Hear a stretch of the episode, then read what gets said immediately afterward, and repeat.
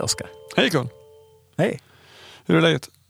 Det är bra. Jag, eh, jag sitter på en ö i norra Vättern och nej, jag är så lite ro, rofylld just nu. Det är rätt vackert och fint. Sen en hund som springer runt mig här lite grann som ni hör. Om du hör att det springs vet du varför. Så är det inte du som är ute och springer utan det är odjuret där bakom. Godzilla. som jag hört att den kallades. Hur är det med dig? Jo men det är bra. Jag, jag, jag har varit och jobbat i norra Jämtland. Jag kom hem igår. Och ja, det, det har varit... Det är så kallt ut. Ja, men det var tvåsiffrigt ibland på mätaren. men det har ja, varit många långa dagar. Jag tror vi snittade fan över 12 timmars dagar nu i senaste liksom, fem dagarna. Och det har regnat och huset vi hyrde, det, det var en jävla klåpare som har kopplat vattnet där. Så att det gick inte att duscha samtidigt som man använde någon annan kran i huset. Man kunde bara köra varmt eller kallt vatten samtidigt. Så jag stod liksom med skållhett vatten och stänkte på kroppen och bara au, oh, au, oh, och försökte bli ren. Men ja, det, det var skönt att komma hem och duscha och sova i en, en säng som inte var som att sova i ett korvbröd. För alla nya lyssnare nu så tänker jag att vi kanske ska förklara vad det är du Förklara kort vad det är du håller på med Oskar. Jag jobbar för något som heter Riksskogstaxeringen. Så jag är ute och eh, det är en nationell inventering utav svenska marker, framförallt och skogsmarker där vi mäter ganska mycket. Mm. Så hållit på sedan 1924. Tror jag det ja, Har du gjort det? Då är det Nej, inte jag, men äh, taxen har funnits så länge. jag har ju bara hållit på sedan i typ första maj. Så att jag har ju ändå, det är ett tag, men inte så länge. Så. Men, men du Oskar, varför är vanten viktigare än mössan ombord? Vanten är det som håller masten upprätt. Ah, du tog den direkt. Ja. Aj, aj, aj, aj, aj. Jag har ju förberett med några frågor till dig här nu. Jag har ju mm. köpt det där, eller min fästmö och jag köpte det så att hon skulle träna på frågor, eller jag ska också träna, herregud. Eh, många frågor man inte kan. Men eh, ja, frågor om båt och sjöliv och allt därtill. Och eh, jag tänkte random ställa några frågor till dig idag. Om vantar och mössor och grejer? Ja. Men vad är vanten då, Carl? Du som Men, sitter frågorna. Men vanten är ju det är de stålvajrarna som håller masten på plats eller i sitt läge. Liksom. Men om man ska vara petig, vad, vad är ett stag då? Ja, det är väl de på sidor. Nej, är det, ja, det, det, kan du bättre. Är det de för och akter eller är det på sidorna? Vanten är väl på sidorna och stag är ju förstag och akterstag. Mm. Så stag, för och akter och vant på sidor. Visst mm. är det så? Precis, och så toppvant, undervant och diagonaler och allt vad det heter. Ja. Men eh, om man säger stag eller vant så, ja, man kan ju generalisera dem. Det är same, same. Generalisera. Det är för mycket eh, petigt bland, bland vissa människor på sjön som tycker att uh, de ska hit. Och så. De behöver inte vara göteborgare, men nu är de göteborgska. De ska vara rätt tamp. Alltså det är fan skitsak samma. Dra i snöret eller den röda. Eller vad är det ja. nu? Exakt. exakt. Mm. En till fråga då. Jag kommer ställa några fler med sen. Men vad kallas det när flera fritidsbåtar gör sällskap på färden? En eskad. Titta. Mm. Har du varit med på en eskad någon gång? Eh, ja, det har jag varit, fast inga längre. Alltså det är väl några timmar. Men jag vet inte vad, vad definieras som en eskad. Kö heter det på sjön, Karl. Man seglar någon stor led. Ja. Nej, eskad ska man i alla fall eh, utgå och sluta på samma ställe. Ingen av definitionen, det är skitsak samma. Men om man seglar med polare så kan man kalla det för en eskadseglare. Ja, men då har man ju varit med om det. Då ja. så. Ja. mm. Men du, vart, du är alltså i, du är norra Vättern nu? Ja, det är jag. Eh, jag och eh, tjejen är ute med eh, min familj. Så vi har varit ute på sjön sedan i fredags och nej, torsdags till och med. Och vad är det för dag då? vi började i torsdags, jag och tjejen, och då seglade vi upp båten från Motala till norra Vättern. Och det tog väl fem timmar kanske, eller något. Mm. Det var rätt lugna vindar, sex timmar. Och idag är det ju söndag. Idag är det söndag och de andra hakade på i fredags. Då. Så mm. nu eh, är vi här uppe på en ö och jag gick runt den här ön. Den är ändå hyfsat stor, inte jätte. Men eh, jag hittade ändå en vik där det var lite vindstilla så jag tänkte att här, här var vackert. Eh, skogsholmarna, så att det är flera holmar liksom, som på något sätt sitter ihop lite grann. Säkert. Aha. De heter inte så större, mindre och Nej, ja, när, vi var, när vi var yngre så kallade vi det här för hoppön. För att det är några klipper man kan hoppa ifrån. Nu kommer hunden här i full fart. Men de där klipporna är inte så stora längre. Eller alltså de är högre än vad de brukar vara. För vattenståndet är en halv meter under, under, ja, lägre. Men Ja. man, klipporna kändes högre när man var yngre helt Det enkelt. pirrade mer i magen då. Än vad det Ja. nu. Ja, så, så var det. Så att det är inte så mycket till att hoppa ifrån längre. Men ah, det är bra. Nej. Nu kör vi Carl.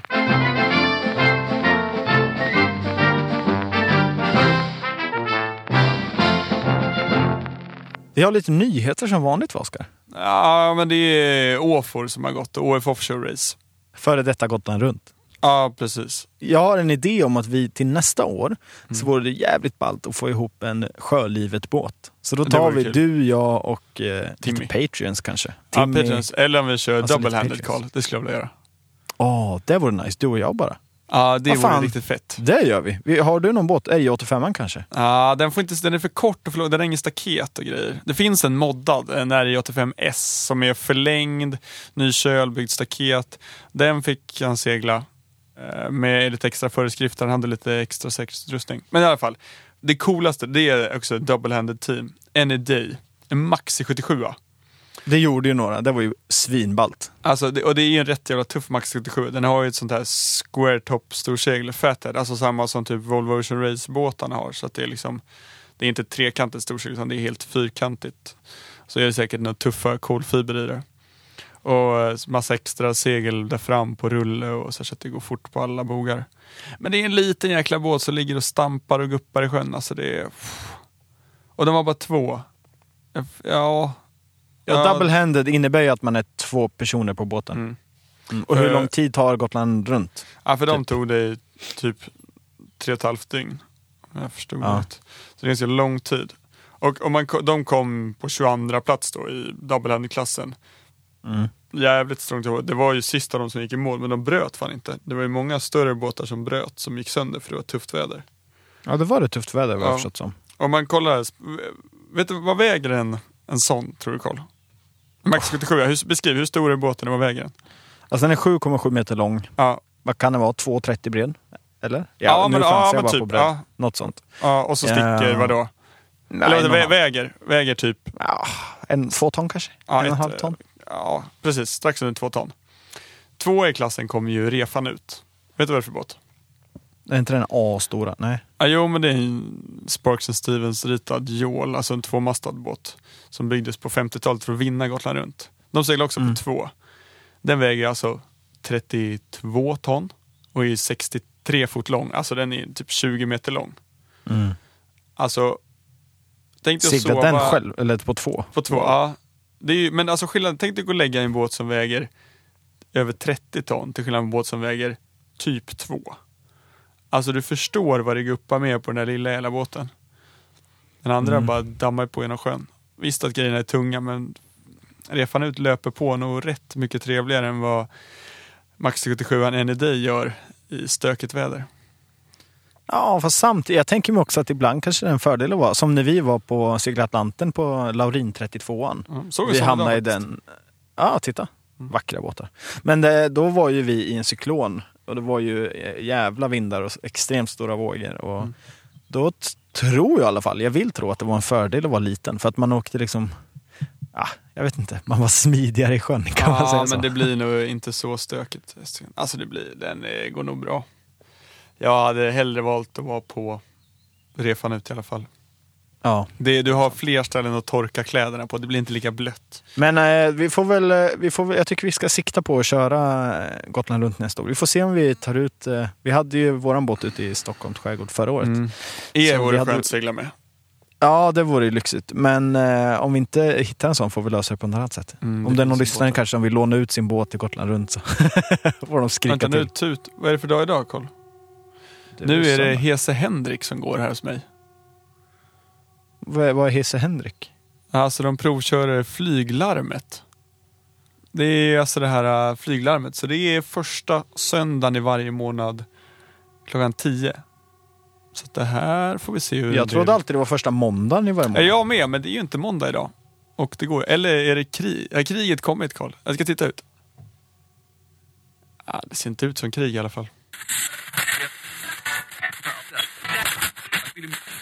Vi, SOS Alarm utför ett tyst test som vi gör varje vecka för att säkerställa att systemet fungerar. Och av någon anledning så blev det här tysta testet skarpt igår. Av vilken anledning då? Det vet inte vi. Det är någonting som vi behöver utreda nu, som vi kommer att utreda. Många har ju undrat varför det här faran är över, som är ett, ytterligare ett larm som körs ut, aldrig kom ut. Varför var det så? Det är också en fråga som vi ska omhänderta i utredningen. Det vi gjorde igår när vi fick indikationer då på att testet hade blivit skarpt var att vi hade kontakt med Sveriges Radio och informerade Sveriges Radio då om att eh, det här inte var ett skarpt, eh, en skarp signal. Eh, Antikrundan, alltså Classic Regattan, de seglar inte runt Gotland. De seglar in, startar in i stan och sen seglar de ut skärgården, rundar Boj Visby precis utanför Kallis. Det här kallbadhuset som är någon trendig klubb där det står folk i färgglada pikétröjor med uppvikta kragar och viftar på armarna. och, och sprutar Dumpa. Eh, ingen aning, det är min fördom. Jag tänker att så är det. Jag, jag har varit där i oktober en gång. Det var stängt och det blåste huggorm. Men Hade du färgglada tröjor på dig? jag hade typ underställ. Eh, men i alla fall. De, och sen går de i mål i Sandhamn då. Så de seglar inte runt. Där vann ju Ballad för fjärde året i rad. Ballad är ju också en stor Sparks and Stevens båt. Tung som fan, den väger säkert 40 ton. Alltså det är ett jävla skepp. Ja. Men tvåa, Marga, fyra. Alltså den här skärgårdskryssaren som jag racear mot med La Morena. Med Mm. Henkan ombord. Väldigt vacker. Väl, och ballt som fan. Kul att de kom tvåa. Mm. Och bara åtta minuters skillnad på omräknad tid efter eh, 35 timmars segling. Oj, jäklar. Ja, det är tight. Det är så jävla tight. På tal då om, eh, nu har vi pratat lite om Gotland runt här. Eh, sen, jag hade ju några quizfrågor till dig Oskar. Mm. Vilket årtionde seglades det första Gotland runt? Oj. Sent 40-tal tror jag. Jag tror, att, jag tror inte att det var... Det hette Visbyseglingarna från början, så det är frågan om du menar dem. Eller när man seglade runt Gotland. Men eh, jag tror man började segla runt Gotland efter kriget. Men Visbyseglingen kan ha gått före kriget. Jag, jag kan inte detaljerna kring det, jag läser bara på det här kortet jag har Okej, hemma. vad säger kortet då? Vilket årtionde seglades det första Gotland runt? Svar 1930-talet. För att vara exakt 1937.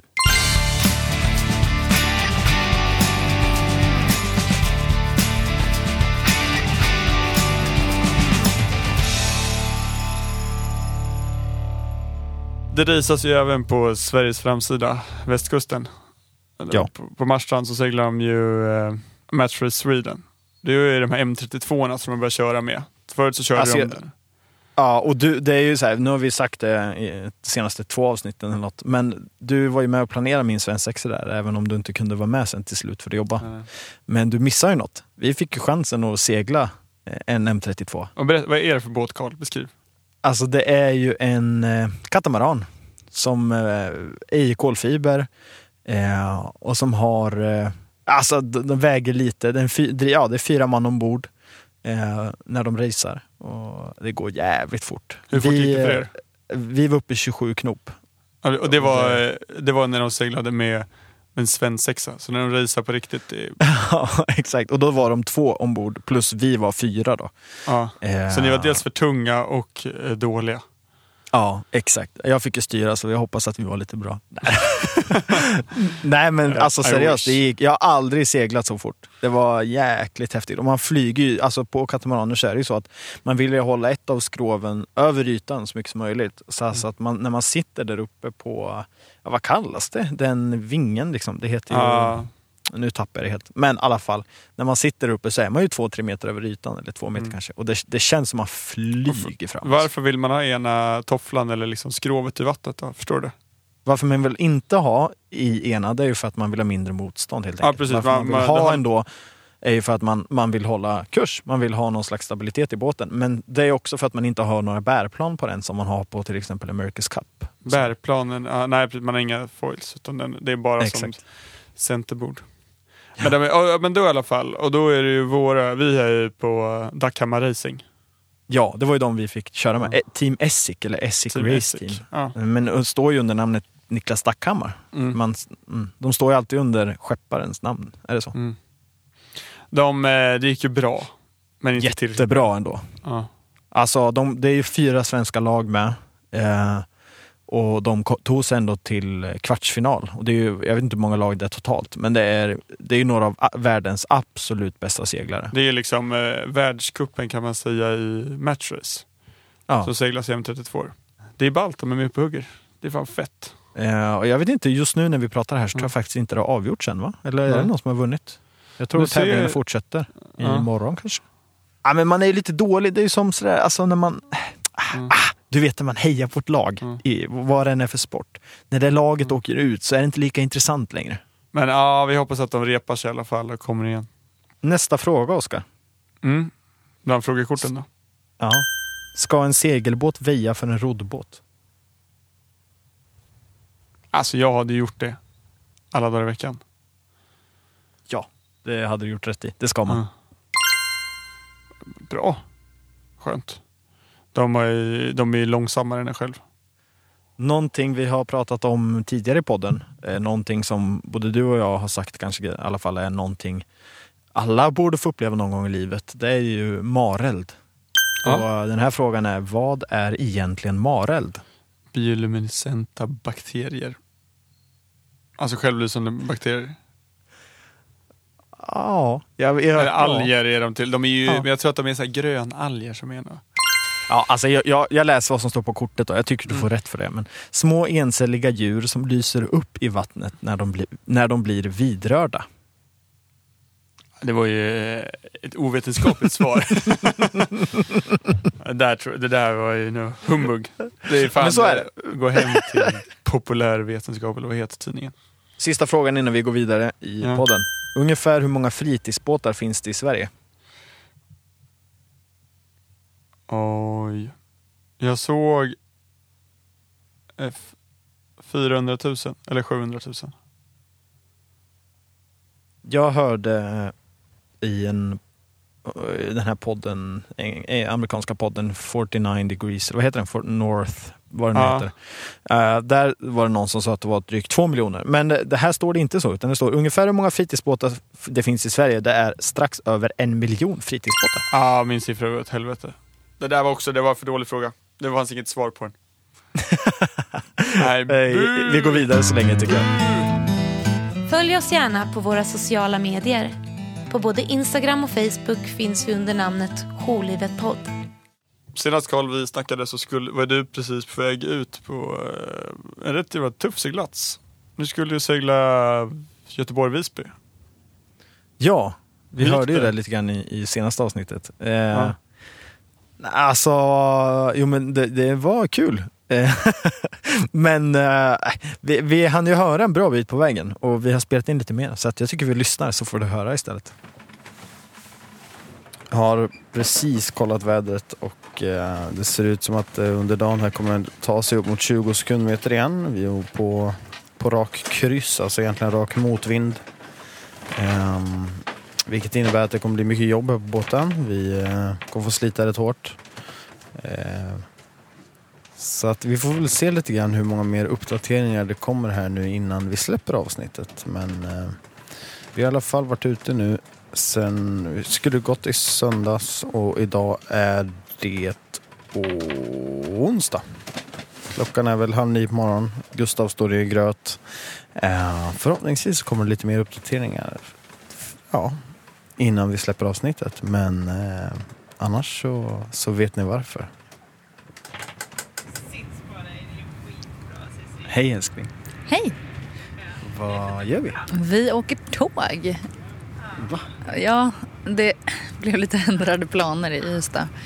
Eh, vi är alltså på väg från Ystad till Linköping. För, nej, till Mjölby kanske. Ja, för att ta sig till Motala.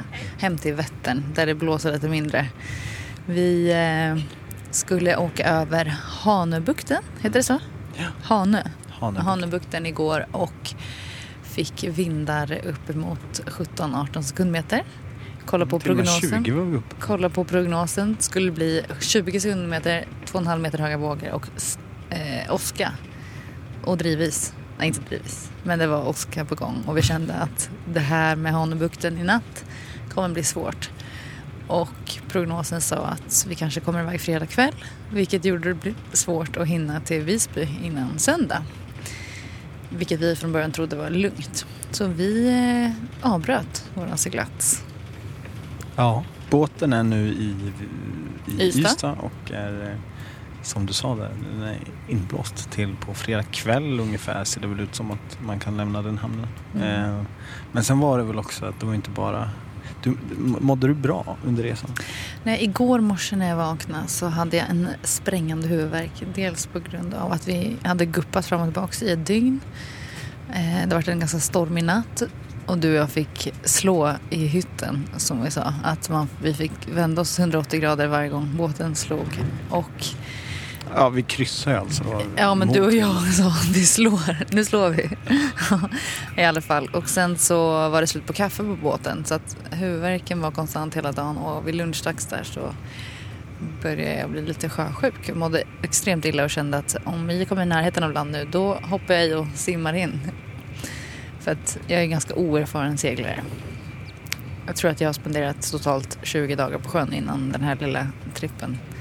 Och, och det var ju kanske inte den, den mest normala eh, trippen. Nej, precis. Eh, utan det här var ju rätt så... Extremt. Men det har varit jätteroligt. Men ehm, eh, ja, det har varit roligt. Jag har ju lärt mig mycket sa jag till dig förut också. Ja. Att, om segling och sådär. Och det var roligt att segla med er. Ni grabbar är ju ett väldigt eh, kan man säga, sammansvetsat team. Ni kan ju ge varandra en blick och så vet ni exakt vad ni ska göra. Man känner sig trygg när man åker med er. Eh, så det var, har varit roligt att se Mm. folk som kan. Och jag har lärt mig att, att eh, kryssa är ett tidsfördriv snarare än ett sätt att ta sig effektivt framåt. Men eh, det var kul. Det, ja. Vi har väl egentligen lärt, lärt oss eh, två saker. Eh, för det första så eh, skålade vi inte för Poseidon. Vilket Nej. man egentligen bör göra när man ska ut på en lite längre tur. Just det. Vi fick ju ge det tre försök innan vi kom iväg ordentligt. Första Mm. gången var det stormigt. Andra gången gick det bra ett tag men då blev det sjösjukt i besättningen. Och sen tredje gången kom vi iväg och klarade ett och ett halvt dygn utan stopp. Men sen sket sig. Ja, det, det har varit lite hackigt. Och, Mm. Så vi glömde ju skåla för Poseidon alla gånger. Och sen så är det ju någonting jag, eh, Gustav och Jocke har haft med oss de senaste åren. Det är att vi eh, så fort vi närmar oss Bornholm så är det extremt dåligt väder. Mm.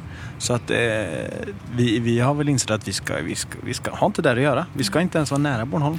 Vi, Nej. Vi håller oss på öst och västkust och, Och så ska man inte inte, sätta upp ett tidsschema. Det är dumt att säga ja, vi, vi hamnar nog i Visby onsdag kväll. Sen vi hamnar i Visby fredag morgon. Och nu insåg vi att söndag eftermiddag skulle till och med bli tufft. Så att segla under tidspress är inget som eh, i alla fall jag känner för i framtiden. Men eh, trots att det har varit lite, det har varit roligt, det har varit väldigt roligt. Men eh, det är skönare att kunna köra lite på känn, eller hur? Ja, och, men det är ju också så att hade vi haft... Nu hade vi ju motvind i princip hela tiden, låg på kryss eh, i extremt stora vågor eh, upp mot 2,4 meter. Eh, och det är tuff segling. Hade vi istället haft medvind så hade det gått mycket lättare. Eh, det hade inte, inte dunsat lika mycket, inte gått, varit lika jobbigt i båten. Det är ju inte vanligt att det är sånt här väder. Utan vanliga kanske, det tillhör vanligheten att det är lite bättre. Mm. Och sådär. Och extrem otur med vädret. Ja, jag tror vi tajmade in sommarens sämsta vecka. Mm. Det kändes väldigt rätt att gå in, i, eh, in mot land när vi gjorde den vid Ystad för att det var, det var tufft där ute.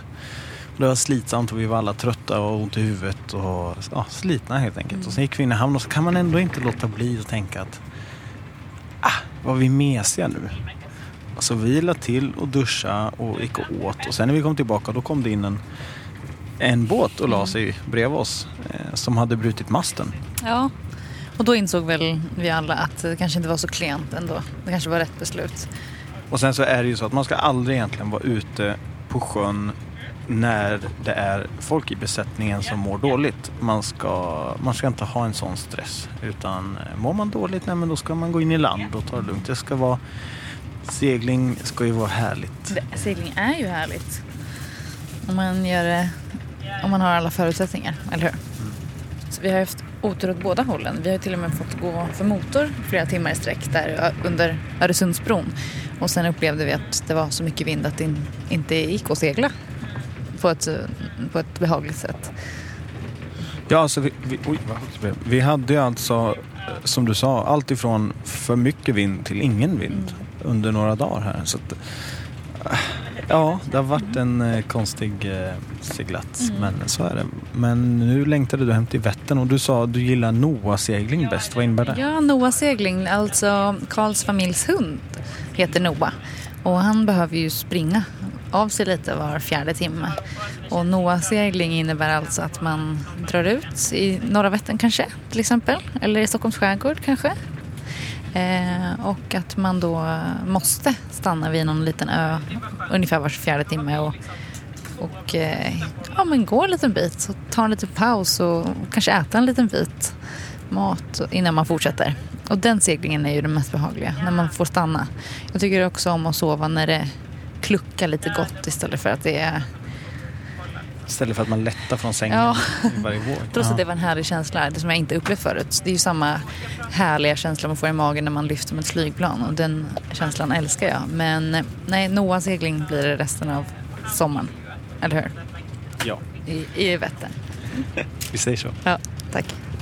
Alltså, ja det där var ju ändå, alltså det var kul, men det var fan tufft. Den Ja, men det, det kanske är en sån grej man vill eh, ha gjort men inte vill göra. Att vara ute, i- alltså pröva de där förhållandena.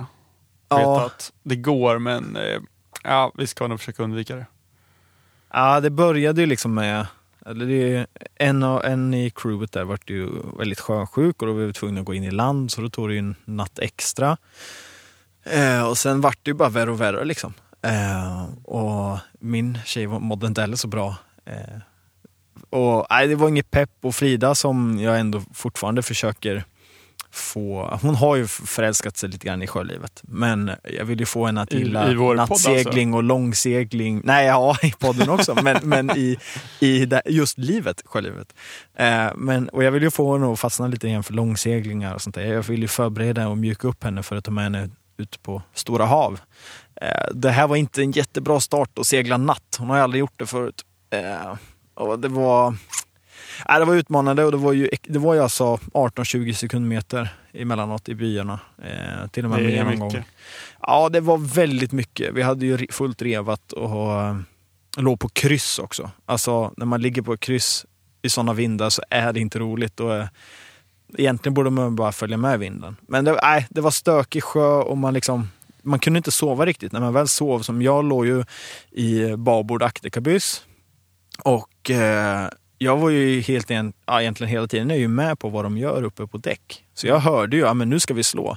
Då slår jag till lite på Frida bara, ja, nu är det dags att vända på sig. För då flyttar vi över kuddar och allt till andra sidan i, i kabyssen. för att- låg med huvudet uppåt i Ja, exakt. Så, så en gång i timmen där typ, så fick vi liksom bara byta plats. Så jag var hela tiden med där uppe och vad som hände. Och, Nej, man kan inte riktigt slappna av i sådana förhållanden och det var, det var lite obehagligt tyckte de flesta på båten. Det, Eh, Så vi valde att gå in där och det tror jag var smart för att alltså vi kom in, sen gick vi och duschade typ. Och sen så kom det in en annan båt som hade brutit masten. Så att, det var det kändes som att vi gjorde nog rätt. Ja, det var tuffa förhållanden och vi gjorde nog rätt i, att gå in där och då. Eh, Ja. Sen känner man sig, konstigt nog, känner man sig ändå lite mesig. Fast man bör vara vettig nog och inse att när man ska segla så ska man inte göra det i sådana förhållanden och man ska inte ha bråttom. Eh, nu hade vi lite bråttom till Visby, men Ja, Ja. För det är också så här, när man seglar under tidspress, det är då man gör dumma grejer. Jag Ja. hade nu när jag seglade hem från midsommar så, så jag var ledig par dagar efter och en annan polare behövde jobba. Så då tog han bilen så jag, var jag med och seglade båten och som han Mm. seglade hem. Och vi hade ju, ja men vi stack så var det nog en 8 till 10 sydligt och vi skulle ju rakt söderut. ja. Men sen ökade det på så det vart uppåt 15, det var säkert 17 i byarna. Då sa vi, nej men det här är ingen idé att hålla på utan. Så då, då plockade vi ner, vi revade det så vi hade bottenrevat och inrullad fock. Lite grann då. Mm. Och så, är det här är ingen idé, vi bara ligger och driver liksom rakt åt sidan och det bara, äh, det här är dumt. Så då rullade vi in och tog ner storen och så gick vi för motor. Mm. Och så fick vi käka lite ordentligt liksom för att i oss energi för att ja, alltså det ja, nej, man kommer ingen vart. Och sen samma dagen efter, då gick vi till Träske Storö. Och när, precis när vi kom ut då i Stora viken där på, jag tror den heter typ Erik Mattsson-tratten eller Erik Mats-tratten, den fjärden där. Det är riktigt fult Ah, ja. namn. Eh, Där, så vet du, precis då kommer det in värsta åskmolnet och då blåste det säkert 22-23. Alltså fan. båten, vet du, den kränger ner bara på riggen. Och vi bara, nej Mm. du, vi drar inte ut nu. Och så kom det riktigt mycket regn. Så vi gick in i viken och la oss så jävla långt in det bara gick och det knöt fast oss som fan. Mm. Och liksom vilade lite och käkade ordentligt. Och sen bara, okej det sticker. Så vi var hemma vid midnatt, men vi, ja, det var fan värt alltså. Ja, det förstår jag.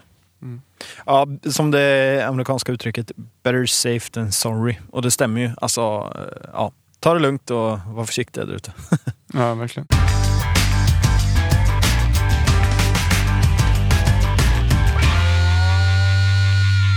Oskar, eh, hur skiljer man på fasta och flytande sjömärken i sjökortet? Oj, det här, jag, jag är så slarvig med sjökort. Jag tittar, ja ja, det stämmer då. Men, ja, men det kanske är någon liten våg eller någonting under dem. Ja, Ja. nästan. Ingen aning. Fasta är stående och flytande är lite lutande. Jaha. Mm. Gud vad bra.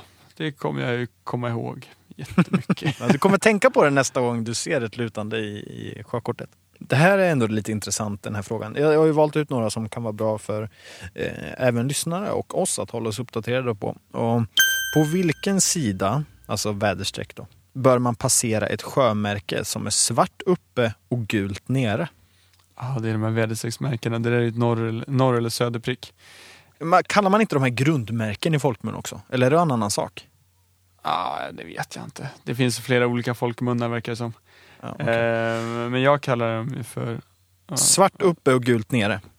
Det pekade på det svarta. Är det en nordprick då? Det är en nordprick då. Och vart ska du passera? Norr om nordpricken. Ja, exakt. Och Så- ibland kan de ju ha två koner eller pilar upp till. Bra Oskar! Ja, hur ser, kan de andra, hur kan, ser de andra ut i Karl? Det finns ju sydprickar också. Ja, sydprick är i så fall tvärtom. Att det är gult uppe och svart nere. Västmärke. Och, och västmärke, då, nu måste jag tänka här, eh, vilken det blir. Det ser ut som Eh, en vä- väst. västmärke är gult, svart, gult. Så att det är Ja. gult topp, svart mitt och gult nere. Det är alltså så att det gula kan man tänka sig en pil och det pekar alltid åt det svarta. Mm. Ungefär. Och, och den ser ut då som en, en flytväst på märket. Att det är med midja, Mm. liksom, att det är två pilar som pekar i mitten. Och eh, ostpricken då. Ja, det är tvärtom då. Svart, gult, svart. Så att Ja. det är svart i toppen, gult i mitten och svart där nere. Och då, pekar det, då blir det så, lite som ett O. Alltså Ja, en pil en som eller en kon En som pekar upp och en kon som pekar ner. Ja, ost. Ja, perfekt.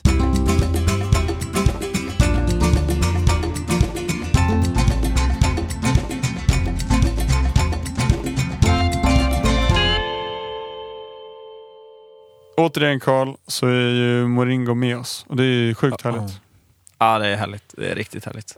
Och jag tänkte, vi, vi har ju en, en, en liten tävling med Moringo nu, men innan vi drar den så Moringo, för er som är nya på podden och inte hört vad det är för applikation, för det är ju faktiskt en app, en app eh, och den finns både till Android och iOS, alltså iPhone. Och det, han, det går egentligen ut på att man, man kan hyra ut sin båtplats och man kan även hyra andras båtplatser, vilket det, det ökar ju möjligheterna lite grann för att ja, men egentligen hela, man behöver inte stressa in, man kan ta det i sin, sin sin takt och man Och kan boka Carl. platser och man kan uppleva nya platser helt enkelt. Och Karl, ska de utvecklar Ja. appen. Så att nu får man ju även information om vad som händer där man väljer att boka en, en båtplats. Så man kan se om det är lite några events. Så att man inte bara kommer dit för att upptäcka utan man kanske får se att ah, men shit, här är det Visfestivalen i Västervik. Fan vad fett. Det vill jag Ja, det är ju framförallt Eller i det större hamnar. Ja, för att alltså, du, har, många, du har ju haft den garanterat och jag har också haft den. Det är den här båtguide, eller båthamnsguiden som man har i pocketformat, typ, eller lite större än pocket. Men eh, egentligen en bok där du kan läsa om alla hamnar i Sverige. Eh, men det finns i Moringo. All den informationen finns. Du kan gå in, läsa på, eller ja, kolla vart du är. Det finns en karta. Du ser vart du är, sjökort. Du trycker på hamnen. Där kan du läsa. Finns det, finns det toa? Finns det, eller finns det te, vad heter det? TV höll jag på att säga. Wifi heter det. ja, liksom allt där till el och sånt där. Så det är en sjukt bra app. Och nu är det en tävling vi har där man kan vinna en bärbar VOF. Alltså en eh, handhållen radio. Den är flyter, den är vattentät och allt där till. Och det man ska göra bra. då. Vad ska man göra Oskar? Man eh, ska skaffa appen, eller om man redan har den, så ska man ange att det är från oss, från Sjölivet, som man har hittat den. Och det gör man via i, när, om man inte har en profil, om man inte har haft appen innan, då fyller man helt enkelt i. Det står så här recruited by. Eller Precis, det var det jag sökte. Eh, ja, och, eller value code kan det också stå. Och då fyller du i den. Och, så där, där skriver du sjölivet helt Med enkelt. Ö. Med ö. Sjölivet med ö. Och, ja, simple as that. Och då har du chans att vinna en bärbar VHF, en halvhållen sådan. Har du gjort det, och Carl? har du redan, Ja, självklart. Och har du redan en, den här appen då, och redan registrerat dig, då kan du gå in på din profil och lägga till det här, recruited by. Mm. På samma, samma yta egentligen. Sjölivet och Moringo. Tack Maringo. Är du intresserad av att samarbeta med Sjölivet? Gå in på vår hemsida sjölivet.se och läs mer. Alltså, Oskar, eftersom du och jag har den här podden ihop så är det ju kanske underförstått att du gillar sjölivet. Eh, men det finns ju en till sak du gillar. Kan du gissa vad jag tänker på? Ja, jag vet, alltså, mat. Museum. Ja, det museum är fan bra. Vi, vi pratade ju med eh, Sjöhistoriska museet, eller den chefen där väl? på Hans Lennart båtmässan. Olsson. Ja. ja, du kommer ihåg. Alltså ditt hästminne ibland. Eh, kommer du ihåg vad ni pratade om? Hans Lennart Olsson, hette han så? Vi pratar ju om, alltså dels typ vad de håller på med. Jag har ju varit och sprungit på Sjöhistoriska sedan jag var ganska liten. Min eh, farfar är ju väldigt int- intresserad av det där och Vasamuseet har jag varit på och så tittat på det. Vi har varit på lite föreläsningar om lite allt möjligt där. Ehm, så vi pratade lite om deras aktiviteter och du, om de håller igång och spänner inför sommaren och om att de öppnar ju en nya, nytt fritidsbåtsmuseum då i Härnösand. Ja. Vilket är sjukt kul för att Ja men det behövs. Alltså det är lätt att allt bara hamnar i Stockholm och det är ju fan skit alltså. Säger jag som stockholmare men det är fan skit när för mycket är här. Eh, så det Du, är du ta dit massa turister? Är det så? Nej men fan skicka turister någon annanstans. Eller låt, det är eh, lokalbefolkning också. Det behövs turister till mer ställen än Stockholm. Ja, Sverige är rätt mycket mer. Så att, skitkul att det kommer till Härnösand. Och eh, jag var inne på deras hemsida nu som är fan riktigt snygg. Som är eh, fritidsbåtsmuseet.se. Enkelt. Eh, vi kommer länka till den här. Men eh, jag tycker vi lyssnar på vad jag och eh, Hans Lennart pratade om.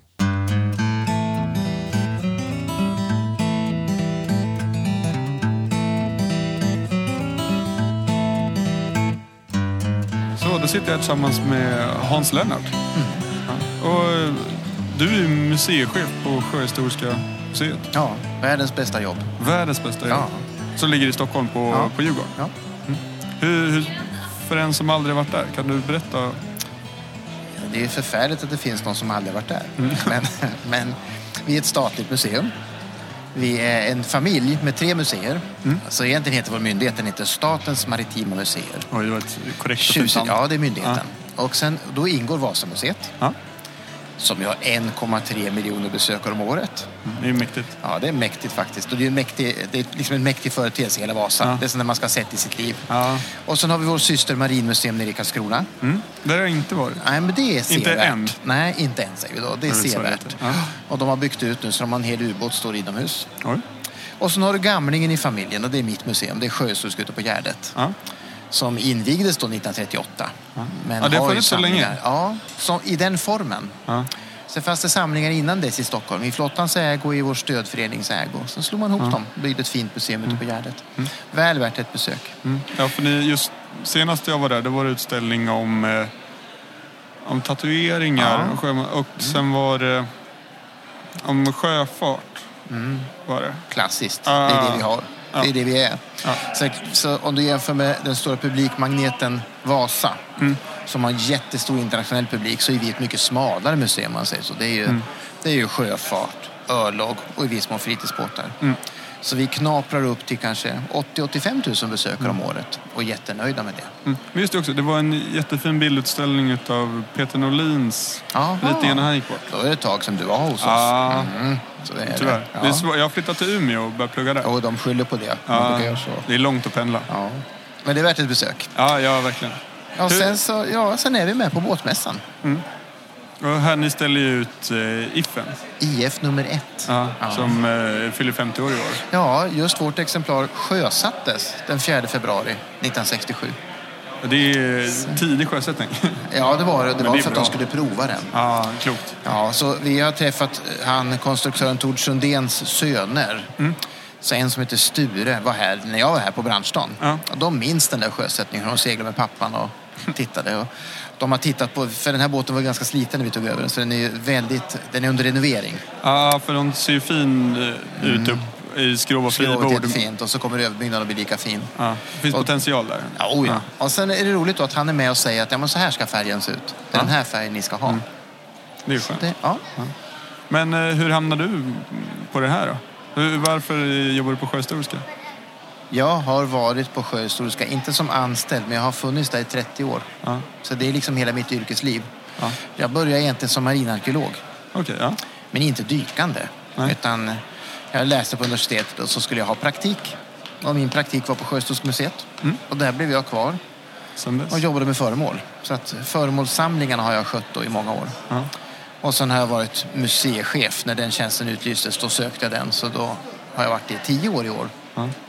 Vad, har du gjort några förändringar eller vad har hänt under de här, eh, dels dina tio år som museichef och kanske de åren innan? då? Ja, alltså under de här 30 åren har det hänt jättemycket. Ja.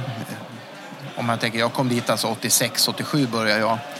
Så då har ju dels har vi invigt det nya Vasamuseet. Mm. Så då hörde ju vi ihop. Eh, sen 1997 så gick ju Marinmuseum över till oss. Så då var vi tre museer. Så det är också en stor förändring. Att vi var tre museer i familjen och på två orter. Ja. Alltså, det är ju drygt 50 mil till Karlskrona. Det måste man hantera. Och sen har det hänt mycket på Sjöhistoriska också. Inte minst då att vi, vi har expanderat vår fritidsbåtssamling ganska kraftigt. En- Normalt sett kan man säga när museet grundades så samlar man ju på örlog, alltså krigsflottan, handelsflottan tillsammans. Alltså, örlog och sjöfart hette det att man skulle samla. Det är därför vi inte är, vi är inte ett marinmuseum eller ett örlogsmuseum och vi är heller inte ett sjöfartsmuseum utan vi är ett sjöhistoriskt museum. Det är liksom det namnet bygger på. Ja. Men sen har man alltid på något sätt samlat fritidsbåtar. Det har alltid funnits med. Ja. Och det är inte så att det tar överhanden, men andelen ökar. Om du tar vår stora ritningssamling så finns det ju massor av ångfartyg och flottans fartyg. Men vi har ju fått in fantastiska samlingar med fritidsbåtar. Ja, och där har gjorts mycket upptäckter. För vi Ja. pratade i ett tidigare avsnitt om, eh, om Holms, eh, Ja. hans J-båt Svea. Att man det. hittade den i era samlingar. Ja. Så att, Ånö sjösatt. ja, ja, det var det som vi... Eller, ja, Holms Svea, men utifrån Holms ritning så har Ja. byggt en Svea. Hoppas den får heta Svea också. Ja, jo, men det heter den. Mycket, den gör det. Ja. Där nere i Holland var det väl? Ja, precis. Hook heter de som har gjort. Och, eh, för nu är de, jag tror de är nio J-båtar Mm. som är eh, seglande idag. Då. Ja, Eh, ja, nå, kul. det är två original om det nu törs, Jag tror att det är Ranger och Velshida, men jag törs inte lova. Jo, jag skulle säga det är nog de som Ja. är i alla fall lite kvar Mest av original. originalet. Ja. Ja, de andra är nybyggda. Ja, och vad heter det? Så de kommer resa i sommar i Bermuda när America's Cup går. Ja. Så det, det kommer säkert vara superhäftigt. Ja, får man se om, om Svea någon gång vågar sig upp till Sverige. Ja, för hon, eh, datamodellerna visar att hon är den snabbaste. Ja, Och hon är den som har längst vattenlinje. Mm. ja också. hon är mycket speciell. Ja, Så det var ju väldigt roligt. Vi, det fanns ju svenska intressen först att bygga en, men man lyckades inte finansiera. Så det är ju bra det att någon gör det. nej, det är svårt. Jag vet ju nu att de försöker jobba hem den tolvan, Prinsessa Svanevit. Mm.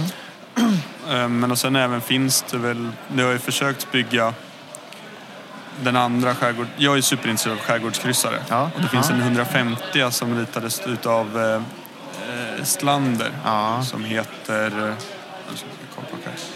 på det här. Det kommer ju klippas, jag låter smart. Du får klippa det. Ja, men det, vad jag heter kommer den? heller aldrig ihåg alla Nej. namn. Man blir så här. Ehm, En Singoalla. 105, alltså Singoalla Singoalla, som den brann som brann upp i Ja, Tyskland. Ja, Var det hon? ja, så det finns planer på det. Den har vi i halvmodell. Ja, det, ja. Ja. Under reparation För den, den halvmodell, den var ju så lång. Så däcket liksom korvade sig på något sätt. Ja. Så att, eh, nej men det, ibland, det är ju så. Ibland får museerna välja. Antingen, en, en IF-båt, Ja. den kan man spara. Ja. Det är inte så att det är skitenkelt. Det, det, det kan vara värt att berätta att många vill ju skänka båtar till oss. Mm. Och vi måste ju säga nej. Ja, för, för ni har ju de här båthallarna. Ja. Eller hur? För Ja. det är inte bara så att det är museets lokaler. Utan... Nej, nej, nej. Vi, vi finns på flera ställen. Eh, eh, ja, men, men det ska jag säga, vi, vi samlar ju in båtar. Ja. Men vi måste ju inför varje båt fundera på... Vi samlar ju in den och i princip bevarar för evigheten. Det gör ju också att vi har en hyreskostnad för evigheten. Mm. Och det har man inte alltid tänkt på, men, men det är ganska dyrt. Och är man framförallt som vi ett Stockholmsbaserat museum så är det ju Stockholmspriser på vilken lokal jag än väljer. ja, ni har ju rätt attraktiv adress också. Ja, men den lär vi ju inte flytta ifrån. Nej, men nej. alla- magasin och sånt, då Ja. måste vi liksom väga på guldvåg. Så där. Har vi råd med det här? Ja, men så då har vi båtar. Vi har ju stora magasin. Vi har jättestora magasin i Nättraby som ligger utanför Karlskrona. Ja. Kanoner, fartygsornament, allt möjligt. Vi har ett, ett fantastiskt fint bergrum borta i Karlskoga. Okej. Bergrum är tråkigt, men det är Ja. alltid jättebra. Därför det är brandsäkert och bra klimat. Så där har vi Men stabilt klimat. Stabilt sin i bomben, ja. Och det här är ett bergrum som byggdes för Bofors. Okej, så ja. jag tänkte väl att man skulle inte kunna bomba det ens en gång. Så där har vi flaggor, fanor, modeller, Mm. uniformsamlingen. Och sen har vi våra olika originalbåtar som vi kallar det då. IFN är alltså en originalbåt. Ja. Och den har då fram tills nu stått i båthall 2, som det heter, Ja. på Galärvarvet nedanför Vasamuseet. Det är också värt ett besök. Ja. Jag skulle gissa att i sommar är sista sommaren med båtar i båthall 2. ja, för jag läste någonting att det är kanske är någon förändring. Ja, den är som, den är egentligen som vilken utställningslokal som helst hos oss. Ja. Alltså ibland byter man innehåll. Ja. Det är väl det jag har gjort mycket på Sjösundsmuseet, jag har fått byta innehåll i utställningslokalerna. Ja. Vad, vad kommer hända i båthallarna då? Då tänkte vi att vi ska göra en stor satsning och berätta om det som finns under vattnet i Östersjön. Ah. Det är bara vi, de här stora sjöarna i USA till viss mån och så de här Svarta havet och dem. Det är nästan bara vi som har det här att ett träfartyg som sjunker, det står ju där på botten. Det bryts ner väldigt, väldigt långsamt. Och då har du säkert sett de här senaste fynden. Man har hittat Mars, man har hittat svärdet. Att, att jämföra då med, med Vasa, vår egen Vasa som är bärgad, så ligger det massor av fina vrak i Östersjön. Mm. Precis. Och det vi pratar om och det beror ju på att vi inte har skeppsmask. Vi har inte För att skeppsmask. den är en marin art som Ja. gillar salta förhållanden. Ja, och så är det ju också, då kan man säga, vi som gillar vrak, Ja. Vi tycker tvärtom mot de som gillar miljön. För de vill att det ska komma in, ja, men de vill att det ska komma in syrehaltigt vatten. Ja. Och, så, och det är det som är Östersjön. Ja. Men, men om man ska vara ärlig då, för att bevara vraken, då vill man inte ha in saltvatten och Ja. inte syrehaltigt vatten. Man vill egentligen ha en stendöd botten där vraken står. Så man är lite emot det hela. Men, men vraken finns där. De är otroligt välbevarade. Och idag finns ju du vet, en fantastisk teknik. Ja. De här Mars och svärd som man hittat senast, man har ju mätt upp dem med 3D-skanning. Ja. Så i princip, om du bara tar en tillräckligt stor skrivare så kan du skriva ut hela Mars en från 3D-skrivare. 15 i en 3D-skrivare. Ja. Kanske dumt att skriva Ja. ut hela henne. Men man Svårt tänka- att motivera. Ja, men så att du, kan ändå, kanske. du kan ändå skriva ut henne kanske en gånger en meter. Ja. Med alla detaljer. Det finns också så moderna kameror som ju både har bättre belysning och ser i mörker så vi kan göra fantastiska fotomontage. Mm. Så vi har tänkt att det där är en liten mission som vi har i den här båthallen. Så projektet heter ju Östersjöns skatter. Okej. Och då är det inte så där, då tänker folk, "Nej, men Östersjöns skatter, ska ni inte leta guld? Nej, för oss som håller på med fartygshistoria eller marinarkeologer så är det inte guldet som är det viktiga. Guld och mynt är alltid bra för du har ju en datering. Ja. För oss kan ett litet krokigt spant eller en riggdetalj kan berätta lika, lika mycket. Ja. Lika upphetsad över det. Ja, och nu är det ju så att man har hittat de här stora liksom, örlogsfartygen men det finns också massor av fantastiska handelsfartyg som ligger där ute. Ja. Med last och allt. Och det, Ja, är, ja. det är en skatt för oss. Ja, ja, för det berättar ju supermycket. Både om eh, alltså, båten och sen om alltså, som var. kulturella. Ja. Ja, och så kan man förhoppningsvis kanske göra, och eh, förstås, man kan hitta några mynt. Mm. Så vet man, då är det lättare att datera. Ja.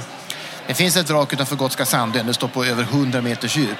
Mm. Som är en fantastiskt litet lastfartyg som, om jag skulle gissa, Mm. så är det ett, ett 17-talsfartyg som har kapsejsat. Det är min teori, för det är helt intakt. Alltså det har bara lagt sig. Det har lagt sig på sidan Ja. och börjar sjunka. Och då när det sjunker så rätar det förstås upp sig. Ja. För riggen bromsar ju. Och så har det ställt sig rakt ner på botten. Mm. Och sen om du har sett att en del småkillar och tjejer, de har haft sådana här som heter My Little Pony. Japp. Kommer du ihåg de där fula i Jajamän. olika färger? Så ser galeonsfiguren ut. Jaha, liksom mjuk och... En liten, en liten häst med, med, flyg, med krullig man. Och den där hästen håller sig för bröstet. Alltså den är jättemärklig. Ja. Så den båten ställt sig rakt ner på botten med last och allt. Ja. Och, och även en sån här som folk sa, den försvann med man och allt. Ja. Och sen har så småningom riggdetaljerna, seglen har ruttnat bort, tamparna har ruttnat bort. Så de här övre delarna av riggarna, block och allting, det har bara sakta regnat ner på däck. Så det ligger kvar där? Ja, och faktiskt så kan man se om man tittar på filmen då så ligger det faktiskt två stycken skelett på däck. Oj. Och det är att de ligger kvar på däck också? Att de inte har spolats nej, att de har blivit fastklämda eller någonting sånt Ja. där. Va? Nå- någonting har hänt. Så är det ju med de här skeletten på Vasa. Mm. De har också blivit fastklämda eller fångats inombords. Ja. Så frånsett att det ligger i alla fall kvarlevorna av två personer så, så allting är ju kvar där nere som inte sakta börjar ruttna bort. Så skulle man gå in i henne så hittar man säkert lasten. Ja. Om det var timmer eller kära. Ja. Eller har hon, har hon tomma tunnor med någonting som har ruttnat bort? Har hon varit på väg till Sverige eller från Sverige? Ja. Och går du längre bak i akten så kanske du kan komma in i besättningsutrymmen och se, finns det någonting kvar? Mm. Det brukar väl vara så att det som försvinner fortast är ju metall, alltså järn. ja, det är också det. Guld och silver och det finns, men, men järnet korroderar nästan bort helt och hållet. Så det får man se. Men, men då kan man säga att ett sånt litet fartyg som inte var kungligt, det var inte med i några stora sjöslag eller drabbningar, det var inga hjältar ombord. Utan det var en vardag, det var liksom Östersjöns långtradare. Ja. Den berättar oerhört mycket. Ja. Och då tänkte vi att i den här utställningen Östersjöns skatter så vi ska ju inte börja tokbärga vrak. Vi ska inte Nej. göra nya Vasa utan vi ska med den här moderna tekniken och kanske ett fåtal fynd berätta Mm. om detta. Så det är ett stort projekt som vi driver. Men det gör ju också att jag har ju ett, ett litet angenämt uppdrag att hitta andra platser för båtarna som Ja. står där idag. Vart, eh, för jag vet, jag har en, eh, en vän som nu fick in en eh, sån här Electrolux campingbåt Ja. i båthallarna nu Ja. i, i somras. Ja. Eh, och det, är ju fett att få in det liksom. Han är ju lite stolt.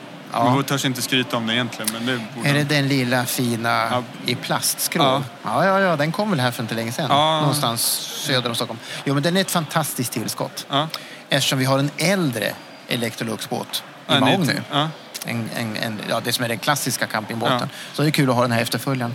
Nej, men då tittar vi. Om vi säger så här att vi kanske har, om jag inte ljuger, museichefer göra. får inte ljuga, Nej. så säger jag att vi har nog åtminstone 120 båtar. ja, det är så mycket ändå. Ja, om du räknar in då kanoter, kajaker, räddningsbåtar och sen en del örlogsbåtar. Så fick jag, om allting löper på som jag vill, Mm. men det vet man ju aldrig. Nej. Fast man är museichef får man inte alltid som man vill. Så ska jag säga att i juli, första juli, då öppnar vi ett museum uppe i Härnösand. Jaha. Tillsammans med Härnösands kommun och tillsammans med det som heter Länsmuseet Murberget som är deras länsmuseum. Ja. I Härnösand finns en fantastiskt stor lokal som de nu håller på att anpassa och då gör vi ett fritidsbåtsmuseum. Ungefär så stort som den här båthallen, alltså lite drygt tusen kvadratmeter. Ja. Och vi väljer ut ett antal båtar ur våra samlingar. Vi har gett förslag på en del privatägda båtar som vi tycker man ska låna in och lite annat sådär. Så det, det kanske blir en utställning med, jag skulle säga det kan rymmas 20 båtar. En fantastisk utställning Ja, och med en berättelse runt omkring. Så att vi, vi hävdar bestämt att Sveriges fritidsbåtsflotta den är den största. Vi har Ja. flest båtar per person i det här landet. Vi har också en av de äldsta fritidsbåtarna, alltså fritidsbåtsflottorna. Ja. Därför att det här speglar välfärdssamhället. Vi har fått semester, vi har fått det bättre ställt. Det, där i kombination gör ju att vi har mycket båtar i Sverige. Vanligt folk har båtar. Det är därför till exempel vi har ingen ribåt. Nej, nej, nej, Ribåtarna hör till en annan samhällsklass. Så vi har väldigt mycket båtar. Och då sa den här utställningen i Härnösand, ja men den kanske ska berätta hundra år av svensk historia utifrån fritidsbåtar. Det är ju superspännande. Jättespännande, Ja. väldigt roligt. Jag menar sådana här kopplingar till exempel att vi får en annan semesterlagstiftning i Sverige 1938. Ja. Folkbåten kommer 1942. Det är liksom ganska givet. Det går att är dra Jag menar, streck även om du, får- emellan. ja, för även om du tänker så här, även om du får bättre lön och bättre levnadsstandard. Mm. Om du inte har någon semester, vad ska du ha en båt till då? Bara Ingenting. på helgerna? Nej. Så det, men det, det är så vi säger. Så det tittar vi på Härnösand. Vi kommer troligtvis att ha i alla fall nedre våningen av den här båthallen öppen nästa sommar. Så börjar vi göra om på övervåningen. Och sen håller jag också på och hjälper våra vänner som driver ett museum i Västerås. Okej. Det finns ett litet fint fritidsbåtsmuseum i Västerås. Men den lokalen ska jag vet inte om den ska rivas eller byggas om, så de är uppsagda. Åh nej, vad tråkigt. Ja, och då försöker vi gå in och se och titta. Kan vi hjälpa till? För jag behöver ju hitta någon annan lokal för mina båtar. Ja. Och kan jag göra det ihop med dem i Västerås så, så det är två flugor på smällen. Mm. Vi kanske kan liksom på något sätt bibehålla det museet plus att jag får ett museum. Och även om, om Sjöhistoriska museet är baserat i Stockholm så är ju vårt uppdrag att synas i hela landet. Ja, Så det, det är inte något konstigt att vi skulle skicka ut båtar till höger och vänster. Det är Nej. liksom självklart.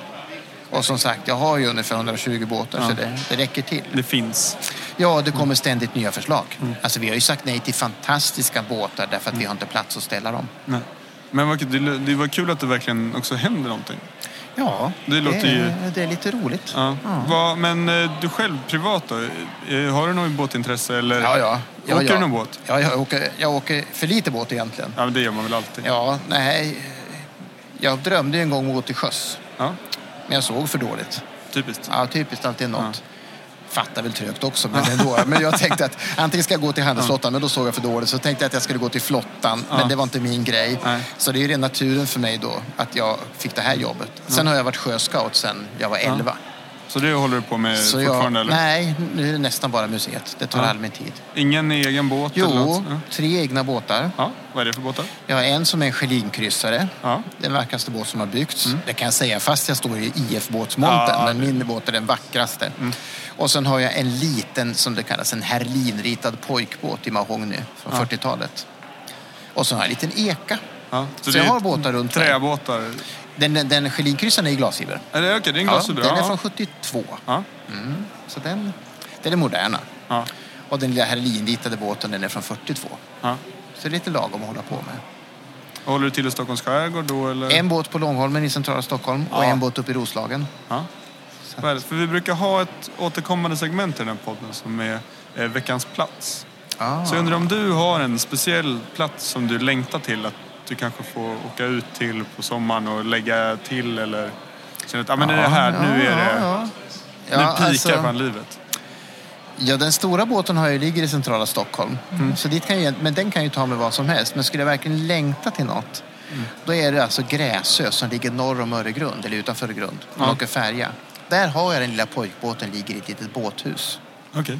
Så det är liksom, jag säga, det är min egen vik. Mm. Den är ju en liten femmeters båt med loggertsegel. Sen Ja. sommardag så sticker jag ut ensam i den och Ja. seglar runt. Och, och, och på något sätt kajka runt som jag gjorde när jag var ung scout. Ja. Fram och tillbaks. Så går jag på grund ibland och då åker centerbordet upp och så lägger jag till och så badar vi familjen. Så Gräsö, norr om Öregrund, det är nog mina drömmars plats. Ja. Just för att jag har det här båtlivet där uppe. Ja. Den ligger även i Ekan. Okej, ja vad härligt. Så kan man ro ut och lägga nät. Ja. Får du någon fisk? Ja, jag får liksom sånt här som inte går att äta. Simper? Ja, ibland. Ja. Som man sticker sig på. Ja. Då och då kan jag väl få så mycket abborre så att det räcker till mig själv. Mm. Det är himla gott med abborre. Ja. Det är klart eh, underskattad ja, fisk. för sjuttsingen. Det finns ju hur mycket mer som helst att prata om. Ja. Men det här ska gå att göra Och du har ju också. sagt nu här att du ska komma till Sjöhistoriska museet och hälsa på. Det ska jag göra. Kan vi podda där du och jag? Ja, men det får verkligen. Ja, Tack bra. så jättemycket. Ja, Anton. tack.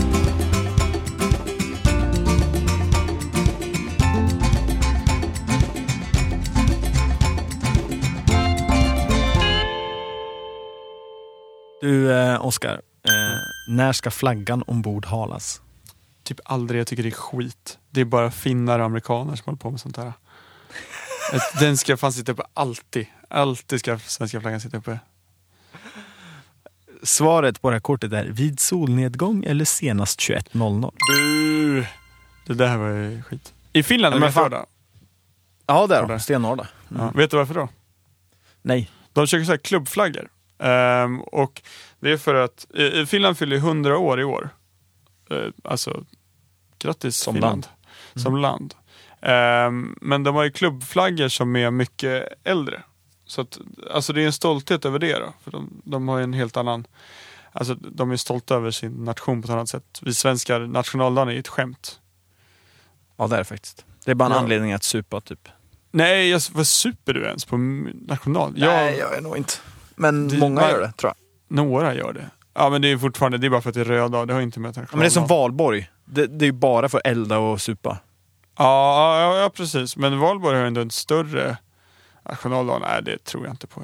Det gör midsommar till, gör flera röda dagar kring midsommar. Det är viktigare. Jag tycker man ska ha flaggan alltid uppe. Det jag ska säga är att nu är klockan 23, nej vad är den? Jo, nej 22.30, alltså halv elva. Eh, och jag sitter, det är ljust ute, det har fullmåne, solen är på väg ner, jag sitter på en ö i skärgården.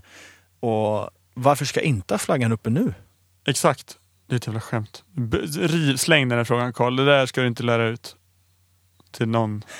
Inte till dig själv eller mamma eller pappa. Eller Nu finns det säkert haters där ute som tycker att man ska ta Ja men hör av er då. Hör av er. Varför ska vi ta ner flaggan på nätterna? Varför? Fast jag, alltså, svenska flaggan är ju något av det vackraste som finns när det kommer eh, seglandes på, bakom en, en segelbåt. Eller en motorbåt för den delen också. Ja. Det är vackert. Vackert. Ja, ja men eh, vi får väl avsluta med det helt enkelt. Jag ska väl gå och låta flaggan hänga kvar och lägga mig.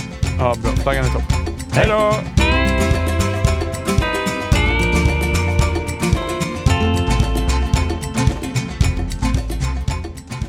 Du har lyssnat på Sjölivet med Karl Holmertz och Oskar Wahlheim.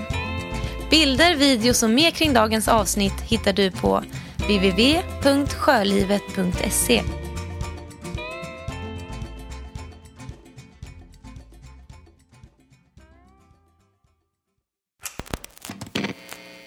Podcasten produceras i samarbete med Poddbyrån.